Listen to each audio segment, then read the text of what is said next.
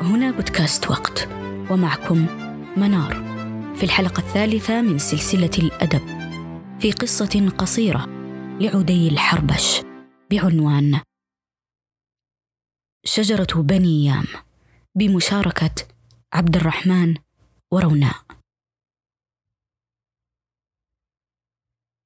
شمال بلدة العيون أسفل قصر ابن عالج توجد شجرة سدر تنحني بجذعها نحو الغرب في موضع الشجرة وقبل ما يقارب المئة والخمسين سنة أوصى عواد العجمي ابنة عمه زينب أن تنتظره هناك وألا تبرح مكانها إلى أن يرجع. وها هنا قصة شاب وزوجته سأحكيها لكم. نزحت أسرة عواد وزينب إلى سنجق الأحساء. في نهاية القرن الثاني عشر كان جدهما أبو فلاح العجمي من قلائل البدو المتعلمين وقد عمل قاضيا لبلدة العيون. بمجرد أن استقر فيها نشأ عواد وهو يعلم أن ابنة عمه زينب ستكون زوجة له. هذه المعرفة المسبقة. لم تمنعه من أن يعد الليالي الواحدة تلو الأخرى. في انتظار حلول ذلك اليوم الذي ينام فيه معها تحت سقف واحد. ولكن بعد انقضاء شهرين من زواجهما ضرب الطاعون بلدة العيون وأخذ معه خلقا كثيرا بما في ذلك أسرتي عواد وزينب. كان عواد منذ البداية يضيق بحياة الحضر وينسب إليها كل الشرور والأوبئة. كان يعيد على أسماع ابنة عمه أنه من الاحرى بهما السفر إلى الصمان حيث توجد قبائل يام ويلح ويكرر في هذا الشأن دون جدوى إذ أن ابنة عمه لم تكن قادرة على فراق أهلها والنزوح بعيدا عنهم. أما الآن وبعد أن تقطعت جميع الأواصر التي تربطها ببلدة العيون لم تجد زينب أمامها إلا أن ترضخ لرغبة ابن عمها وأن توافقه على الانتزاح إلى الصحراء. في صبيحة يوم السفر ابتاع عواد فرسا وناقة بالنقود التي حصلها من بيع داره. تمنطق بحزاب الفشق وعلق بندقيته فوق ظهره وانطلق بصحبة ابنة عمه زينب متجهين شمالا نحو الصمان. عندما خرجا من نطاق البلد واستقبلا الصحراء بصدريهما أحس عواد نشوة هائلة تملأ روحه. كانت الرمال الذهبية تمتد بلا نهاية تحت السماء الزرقاء وتتلاقى معها في أقصى الأفق. بعد مسيرة ثلاث ساعات وعلى مسافة قريبة من قصر ابن عالج الخاوي عرض عليهما طير حبارة وطفق يخب برقبته الطويلة باتجاه كومة من العوسج تحف غديرا مجاورا. سحب عواد بندقيته وعبأ مخزنها. وعندما ضغط الزناد انفجرت البندقية حتى كادت أن تقفز من يده دون أن تخرج رصاصة من فوهتها. هرب ذكر الحبارة وهو لا يلوي على أثر. تفحص عواد البندقية بغيظ دون أن يفهم ما حدث. لابد أن هناك خللا في بيت النار أو الخراطيش. عندما أفرغ المخزن وعباه بفشق جديد.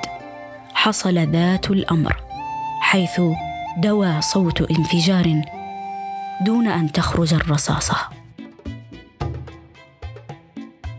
أطرق عواد والغيظ يأكل صدره. ما بال البندقية اللعينة؟ ربما أفسد الماء الفشق. أي ماء؟ قبل أسبوعين أنسيت عندما فاض الماء تحت الجدار وغمر الجهة القبلية. كان صندوق الفشق هناك. لماذا لم تخبريني؟ وما أدراني أننا سنحتاج البندقية. كيف نسافر ونقطع الصحراء ونحن لا نحمل سلاحا؟ لا تلمني لست من وضع الصندوق هناك. زينب صادقة.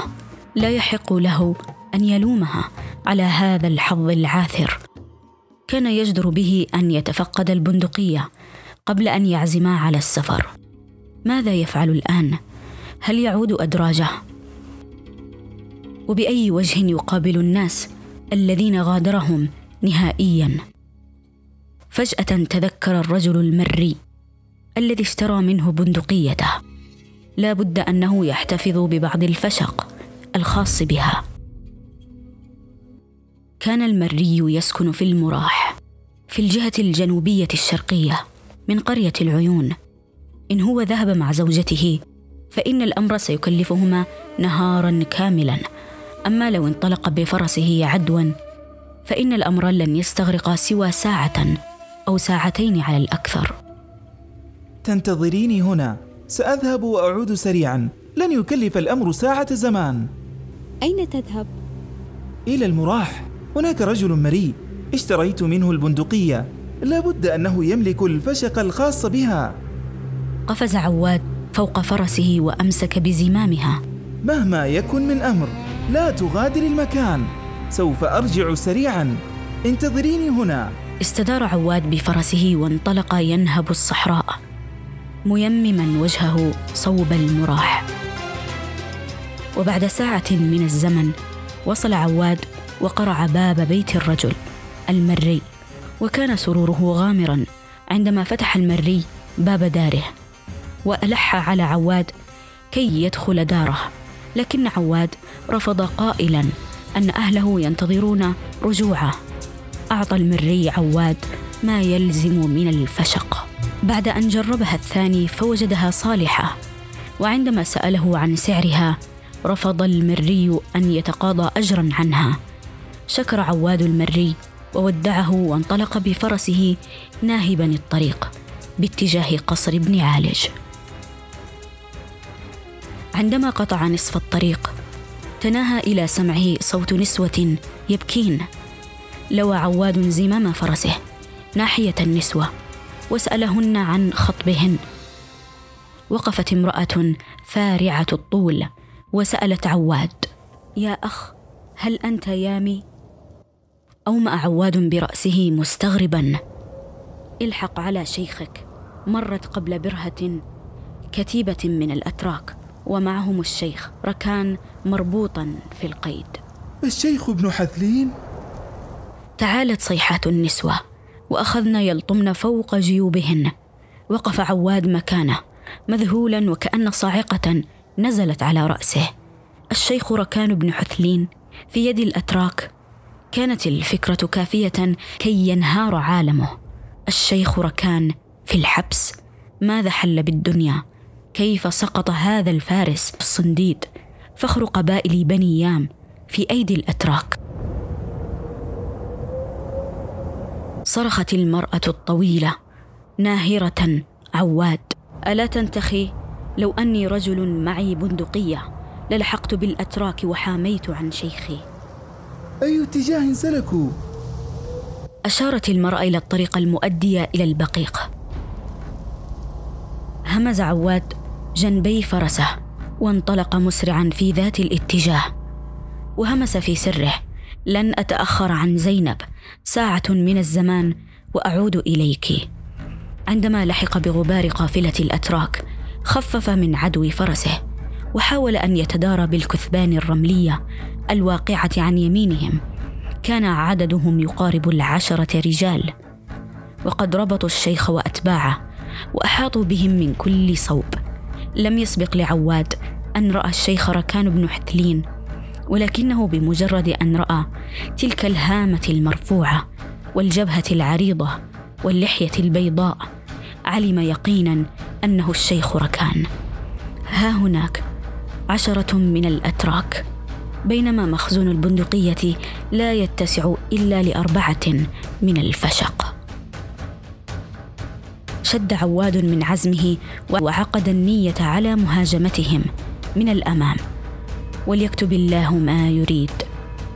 اجرى عواد فرسه من وراء الكثبان حتى سبق الأتراك ثم انحرف عليهم كالشهاب الساقط وهو يصرخ بأعلى صوته. صفر صافي الموت. وأنا لا زال. التفت الأتراك مفزوعين ناحية الصوت فإذا بأول رجالهم يسقط صريعا. وجه عواد بندقيته نحو الرجل الثاني ولكنه ما ان ضغط على الزناد حتى دوى صوت لتقفز البندقية هاربة من يديه. عض عواد على شفته وهو ينطلق بسرعة ناحية الأتراك المتمرسين خلف بنادقهم. عندما حال الرجل الثاني رمى بنفسه فوقه ليسقط وإياه على الأرض. ثم انقض بقية الأتراك فوق جسد عواد بأقدامهم وكعوب بنادقهم. إحدى الضربات أصابته في مؤخرة رأسه فأفقدته الوعي. وجد نفسه مستلقيا على بطنه وقد شدت رقبته وقيدت يداه وقدماه إلى إحدى الرواحل. ملأ الرعب قلبه حين أدرك أنه يساق مع بقية الأسرى إلى مكان بعيد. زينب تنتظره الآن ولقد أخبرها أن تبقى وتنتظره هناك مهما حدث. لا يفترض به أن يكون بعيدا عنها في هذا المكان. صرخ عواد كالبعير الهائج. وأرغى وأزبد وأخذ يتلوى حتى فقد وعيه من جديد. اكتشف عواد لاحقا أن ابن عودة الوكيل المخول بتحصيل الخرجية قام بالغدر بابن حثلين أثناء عشائه عند الأخير. وعلم أيضا أن الأتراك لم يقتلوه بعد أن جندلوه ارضا إثر هجمته الفاشلة. لأنهم ظنوه صاحب شأن أو أنه أحد أقارب الشيخ ركان. لكن أكثر ما أصاب عواد بالفزع هو اكتشافه أن الأتراك يقصدونهم إلى البحرين وأنهم من هناك سوف ينفونهم إلى أماكن مختلفة.